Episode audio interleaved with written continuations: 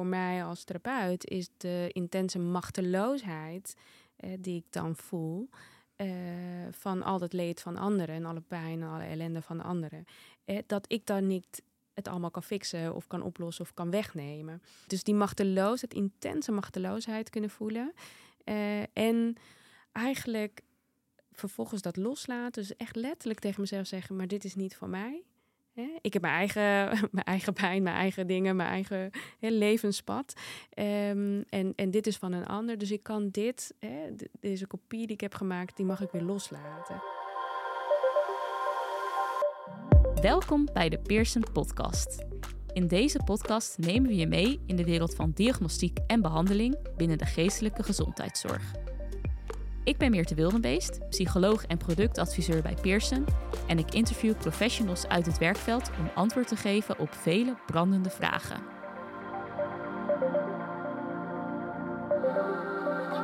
Voordat we verder gaan, nog even dit. Hoe gaan jouw cliënten om met lastige situaties? Ben jij bijvoorbeeld benieuwd naar hoe een cliënt op jouw behandeling zal reageren?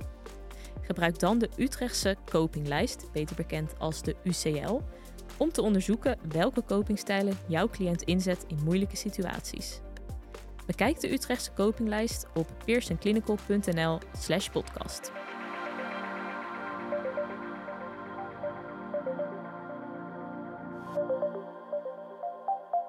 Welkom bij deze podcastaflevering. Uh, vandaag gaan we weer een vraag beantwoorden, namelijk hoe ga je om met de problematiek waar je dagelijks te maken krijgt als uh, psycholoog orthopedagoog of therapeut. Um, en degene die deze vraag uh, tracht te beantwoorden, dat is Mariana Potsch. Zij zit tegenover mij. dus stel jezelf vooral even voor, zou ik zeggen. Ja, dankjewel. Ik ben Mariana Potsch, GZ-psychologe, werkzaam bij ARC. In de kliniek Centrum 45 in Oesgeest. En dat is een centrum voor mensen met posttraumatische stressstoornis. En, ik werk daar in de kliniek bij de afdeling van hoogintensieve traumatherapieën. Oké, okay, nou dankjewel dat je hier aanwezig wilde zijn. Um, nou we hebben het dus over de problematiek waarmee je dagelijks te maken krijgt. Dus hoe ga je daarmee om? Met andere woorden, ja, de coping. Welke coping kan je daarvoor gebruiken? Um, en dan is mijn eerste vraag eigenlijk van ja, als behandelaar of therapeut, hoe belangrijk is het om jouw ja, te weten?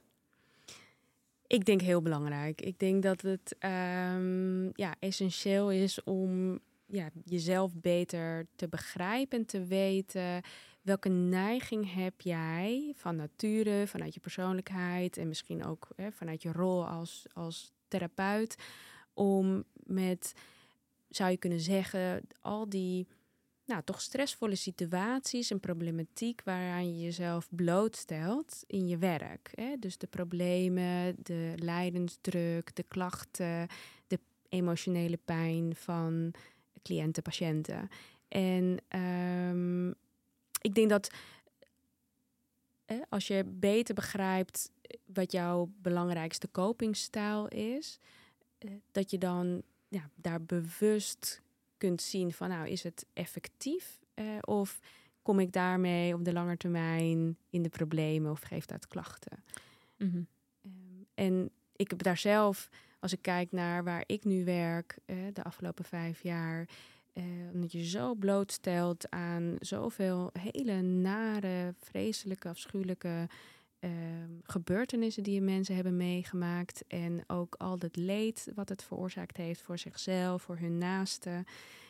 Is dat, ja, ik denk als ik kijk naar mezelf, mijn belangrijkste copingstijl was ja. om uh, te willen helpen. En eigenlijk ook wel heel erg probleemoplossend gericht. Maar daar kom je eigenlijk, zeker ja, in dit soort problematiek, toch op de lange termijn wat in de knel. Omdat er gewoon heel veel dingen zijn die je niet kunt oplossen. Eigenlijk de meeste mm -hmm. dingen kan je voor de ander niet in oplossen. Het zijn dingen die gebeurd zijn al, die dus niet meer terug te draaien valt. En uh, dan zijn ook heel vaak mensen die ja, je van alles aanreikt aan vaardigheden en hulp, maar dat toch op de een of andere manier ja, daar ze nog in blijven vastlopen. En wat dat dan vervolgens met jou doet. En ik denk dat als psycholoog of therapeut snel de neiging hebben om in onze rol als hè, therapeut minder stil te staan bij het effect dat het op jou heeft, hè, op jezelf. Ehm, en als ik kijk ook naar mijn collega's, dan zie ik, herken ik dat ook. En de valkuil is om dan op de lange termijn ja, toch daar uh, een negatief effect van uh, te Mhm. ervaren. Dus wat ik, wat, wat ik merkte is eh, stilstaan bij wat emotioneel eigenlijk. Dus dan ga je meer op een kopingsgerichte stijl, wat meer gericht is op emoties. Wat het met je doet. En ik zie het altijd als eh, in, in, als therapeut heb je een bepaalde mate van empathie nodig, een inlevingsvermogen in ja, je kunnen voorstelling maken van de pijn van de ander, van die emotionele pijn van de ander, wat de ander voelt. En dat is een belangrijk instrument die je gebruikt in de therapie. Maar je, ik zie het altijd alsof je dan dus toch een soort van een kopie hebt gemaakt, gedownload Mhm. van iemand anders pijn die jij dan kan voelen. En als je dan niet doorhebt dat je dat dan ja, eigenlijk nu met je meedraagt, een kopie van iemands pijn. Ehm, ja, je zou kunnen zien van, nou, we gaan weer door met ons leven. Hè. Je volgende patiënt of nou, je moet naar huis koken. Eh, dan heb je eigenlijk die pijn eh, als het ware in een soort, zoals ik het zie. Hè, mensen zeggen emmer, maar ik zie het meer als een ballon, Ballon, waar ja, je ja. aan, aan vast zit. Dat je hè, die emotionele pijn waar je nu een kopie van hebt gemaakt, in die ballon parkeert. Maar als je dat elke keer doet zonder je bewust te zijn dat je dat allemaal daarin parkeert, dan is op een gegeven moment die ballon zo vol. Ehm, en belangrijk is dus ook nog dat het eigenlijk pijn is wat niet van jou is. Het is een kopie van iemand anders pijn. En dus is het ook niet een pijn waar jij actief iets mee kan doen om het op te lossen. Eh, en vaak is dat ook misschien een beetje de neiging. Hè? Als je het maar bij de ander oplost en het beter gaat met de ander, dan kom ik van deze gekopieerde pijn af. Mhm. Ehm, maar daar sta je heel vaak dus heel machteloos tegenover. Want het is niet aan jou wat de ander wel en niet doet. Ja. En nou, één, daar bewust van zijn. En vervolgens, ja, wat doe jij er zelf dan mee met die gekopieerde pijn? Met alles wat je hebt bijna soort geabsorbeerd. Hè? Mhm. En ik denk het belangrijke ja, vaardigheid als therapeut, als psycholoog is om ja, die weer ook weer te verwerken. Hè? Wat het met jou doet en hoe je dat dan weer los kan laten.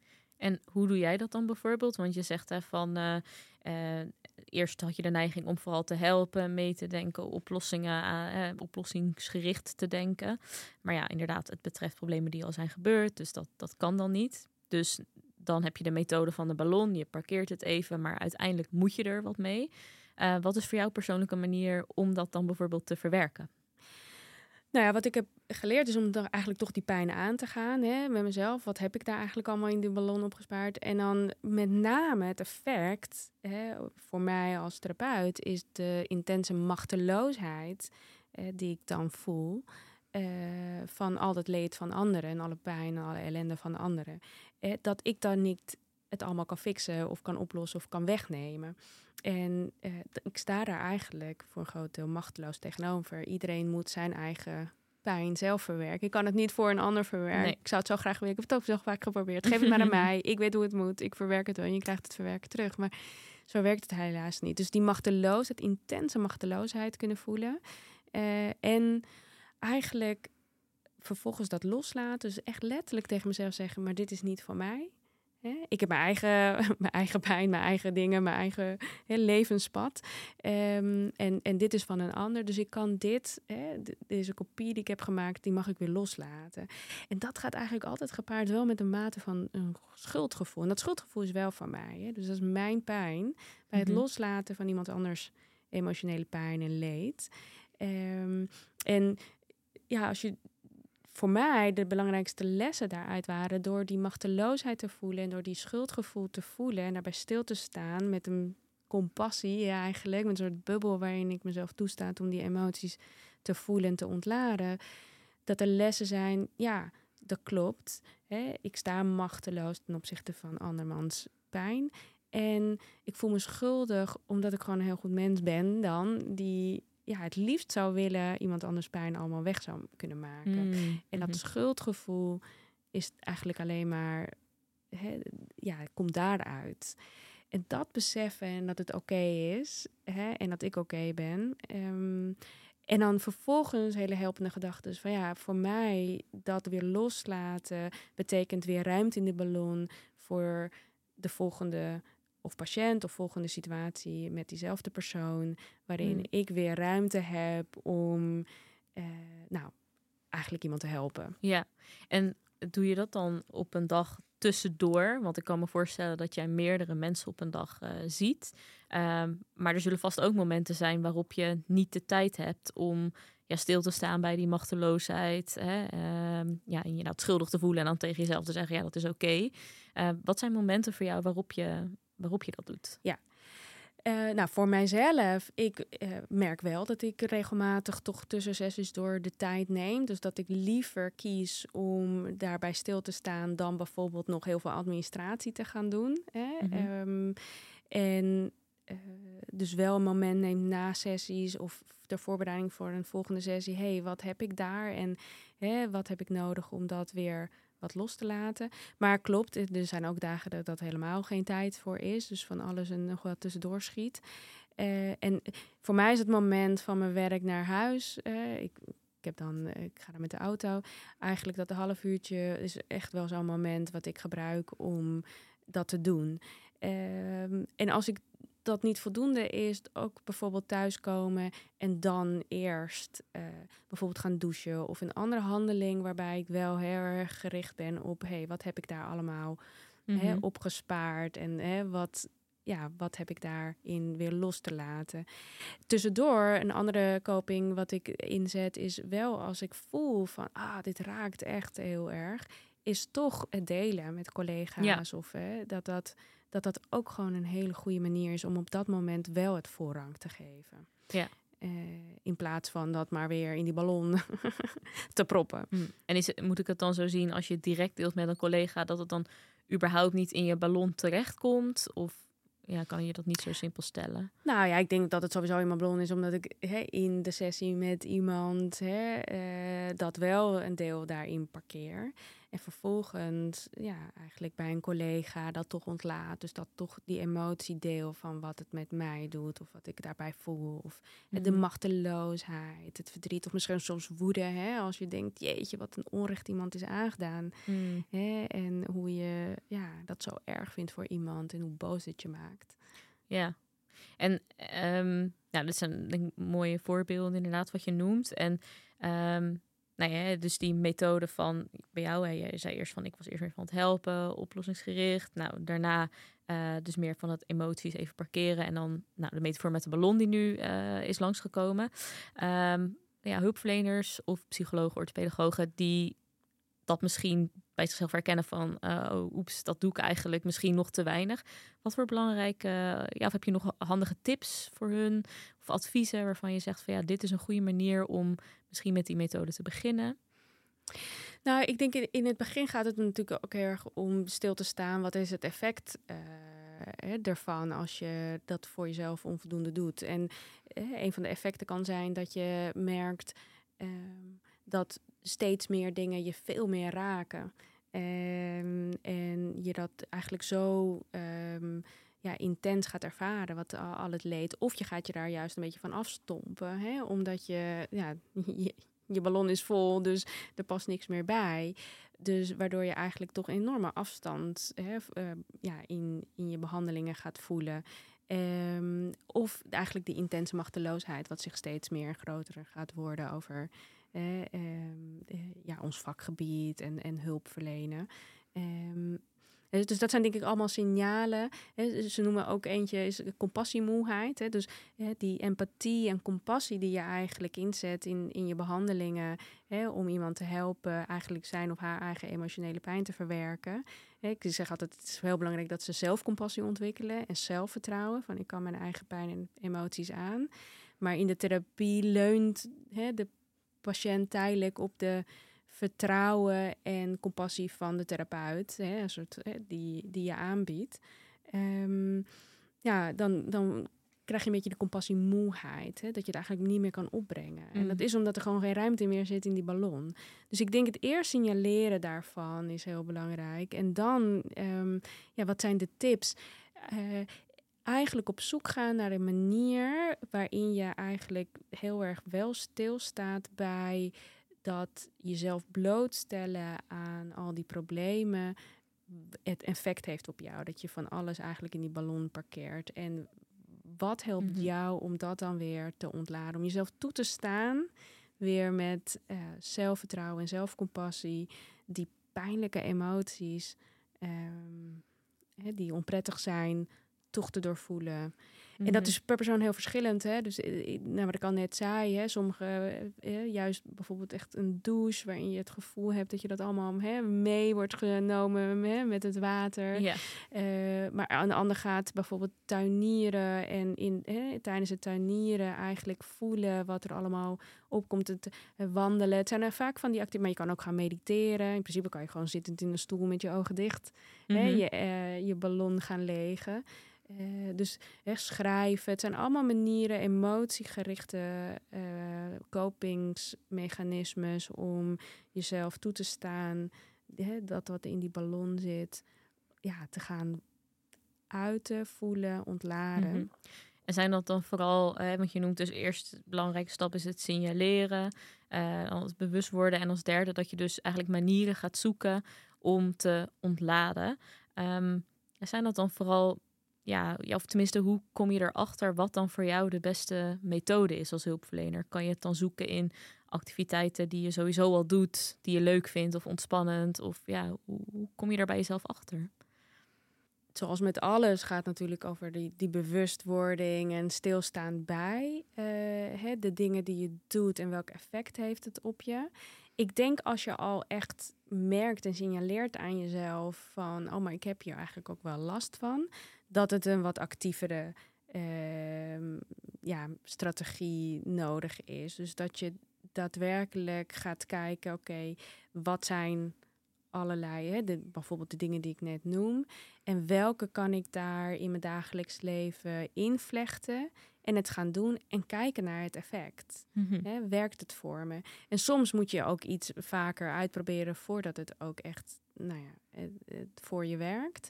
Ehm, dus de een bijvoorbeeld die enorm veel gedachten heeft en, en dat, ja, die zou misschien eh, uitvoeren gaan mediteren, misschien niet helemaal passen. Mhm. En die zou misschien een iets meer eh, iets inzetten waarin diegene ondertussen wat doet, eh, beweegt en dan stilstaan bij wat voel ik Ja. allemaal. Dus ja, het, het heeft erg te maken met uitzoeken hoe zit ik in elkaar, wat werkt bij mij. Het is ook een beetje trial and error, denk ik. Ja, dus gewoon eigenlijk uitproberen, kijken wat bij je, bij je werkt, wat bij je past. En als het niet past, dan zou je misschien, misschien iets anders moeten proberen. Of misschien nog even moeten volhouden om te zorgen dat het voor je werkt. Ja. Als ik het zo even samenvat, ja. En ik denk Ja. ook dingen die wel eh, in te vlechten zijn in leven. Ik denk dat de dingen die we dan Mm. onszelf opleggen van nou, want ik ga dit doen, hè, en dan, Mm. eh, pff, weet je, hoe lang Ja. hou je dat dan vol, zeg maar? Zes keer per week hardlopen of Ja, zo. precies. Ja, ja. Hè? eh, maar juist de dingen die ja, makkelijk in te vlechten zijn in je dagelijks leven. Het is een beetje hetzelfde als met, met ja, toch weer, kom ik weer toch met de metafoor van je huis opruimen en schoonmaken. Mhm. Eh, ja, voor de een werkt het veel beter om dagelijks toch een beetje te doen. Hè? En dan hou je het een beetje bij. De ander, ja, hè, dat past veel beter om te zeggen, nou, één keer in de week hè, heb ik een he- hele dagdeel, maak ik vrij om mijn hele huis op te ruimen en schoon te maken. En Mhm. eh, ja, dat is, dat is een beetje persoonlijke stijl. En, eh, en die verschillen zijn juist goed, zeg maar. Dus daarnaar op zoek gaan wat, ja, welke manier het bij jou beste past en in te vlechten is in jouw leven. Mhm. eh, die ja, op de lange termijn. eh, Ja, werkt. Of, ja. en het niet voelt als volhouden, maar juist als nou ja, onderdeel van. Ja. Ja, ja dat is eigenlijk... eh, tenminste, dat zegt de tandarts dan altijd tegen mij... van als je weer daar komt en dan moet je flossen... en dan denk je weer, nee, dat, nou, dat hou ik niet vol, zeg maar. En die zeggen dan ook altijd, nee, maar je moet het elke dag doen... En dan, eh, ja, dan wordt het inderdaad een automatisme. Dan denk je er niet eens meer over na. Eh, en dat is eigenlijk misschien ook een beetje zoals je het kan benaderen bij ja, het verwerken van dingen die op je werk zijn gebeurd. Of de verhalen die je hebt gehoord. Dat je daar dus die activiteiten bij zoekt die zodanig passen in je leven dat het eh, ja, automatisch gaat. ja, Ja. ja, dat op een gegeven moment niet zoveel moeite kost om die hè, in je dagelijks leven Ja. in te vlechten. In te vlechten, ja. Ja, en ehm, als we het ook hebben hè, over het stukje werk loslaten, kan je ook gewoon denken van, ehm, ja, nou, empathie, eh, leuk allemaal, maar eh, ja, uiteindelijk is het niet mijn probleem. Weet je wel, dat je de verantwoordelijkheid bij de cliënt laat. Dus nou even een extreem voorbeeld, zoals ik het nu stel. Mhm. Ehm, maar is dat ook nog een manier dat je zegt van, nou, dit hoort niet bij mij? Nou, ik denk dat dat inherent is aan wat ik net zei. Hè? Van eh, kunnen onderscheiden van oké, wat is van de ander, iemand anders pijn, iemand anders problemen, iemand anders leven. En hè, wat is van jou? En ik denk dat, dat, dat het een hele belangrijke is. Hè? Dus dat je, omdat we in ons werk juist wel ons openstellen en we die empathie voor een groot deel nodig hebben hè, in, in het contact om iemand verder te helpen, om iemand beter te begrijpen en beter te zoeken naar waar zit de pijn en hè, wat heeft iemand nodig hè, aan vaardigheden. Stel jezelf eigenlijk even helemaal een beetje open voor Mm. hè, dat absorberen van die iemand anders pijn. Dus ja, het is, het is hè, een beetje eh, hard om dan te, nou, het is niet mijn probleem en hè, het het Ja. ligt helemaal bij de ander. Eh, ik kan me Mm. voorstellen dat soms, ik denk als je zover komt dat je dat zo hard nodig hebt, dan is er waarschijnlijk vaak al heel veel opgestapeld in die ballon. Dus het zou mooi zijn als je al eerder in staat bent om dat op een wat meer compassievolle Ja. voor jezelf en voor de ander hè, te kunnen uit elkaar trekken eh, Mhm. en onderscheiden. Maar er komt wel een beetje op neer uiteindelijk. En dat is altijd lastig, denk ik, als wij eh, als hulpverleners en als therapeuten zo graag andere mensen. En het, we halen er ook natuurlijk heel veel voldoening uit als je ziet dat iemand anders zich beter voelt. En dat Zeker. jij een bijdrage hebt geleverd aan dat iemand ja, klachtenvermindering of zich gelukkiger gaat voelen. Dus het voelt ook natuurlijk heel naar wanneer dat niet lukt. Of, ehm, en die gevoelens, die zijn wel hè, van jezelf. En Precies. die verwerken en daar aandacht voor hebben met heel veel zelfcompassie en vertrouwen en dat je je eigen emoties aan kan. Maar vervolgens onderscheiden dat het andere van de ander is. Ja, dus wel belangrijk om dat onderscheid überhaupt te kunnen maken natuurlijk. Ja, En de vaardigheid Ja. om dat dan weer los te laten. ja. Ja, oké. Ja. Nou, Mariana, hartstikke bedankt. Eh, ik denk dat eh, alle hulpverleners nu weer eh, met frisse moed aan de slag gaan. ik hoop het. Nou, dat zal, vast inderdaad. Dus eh dankjewel. Heel graag gedaan en bedankt voor de uitnodiging.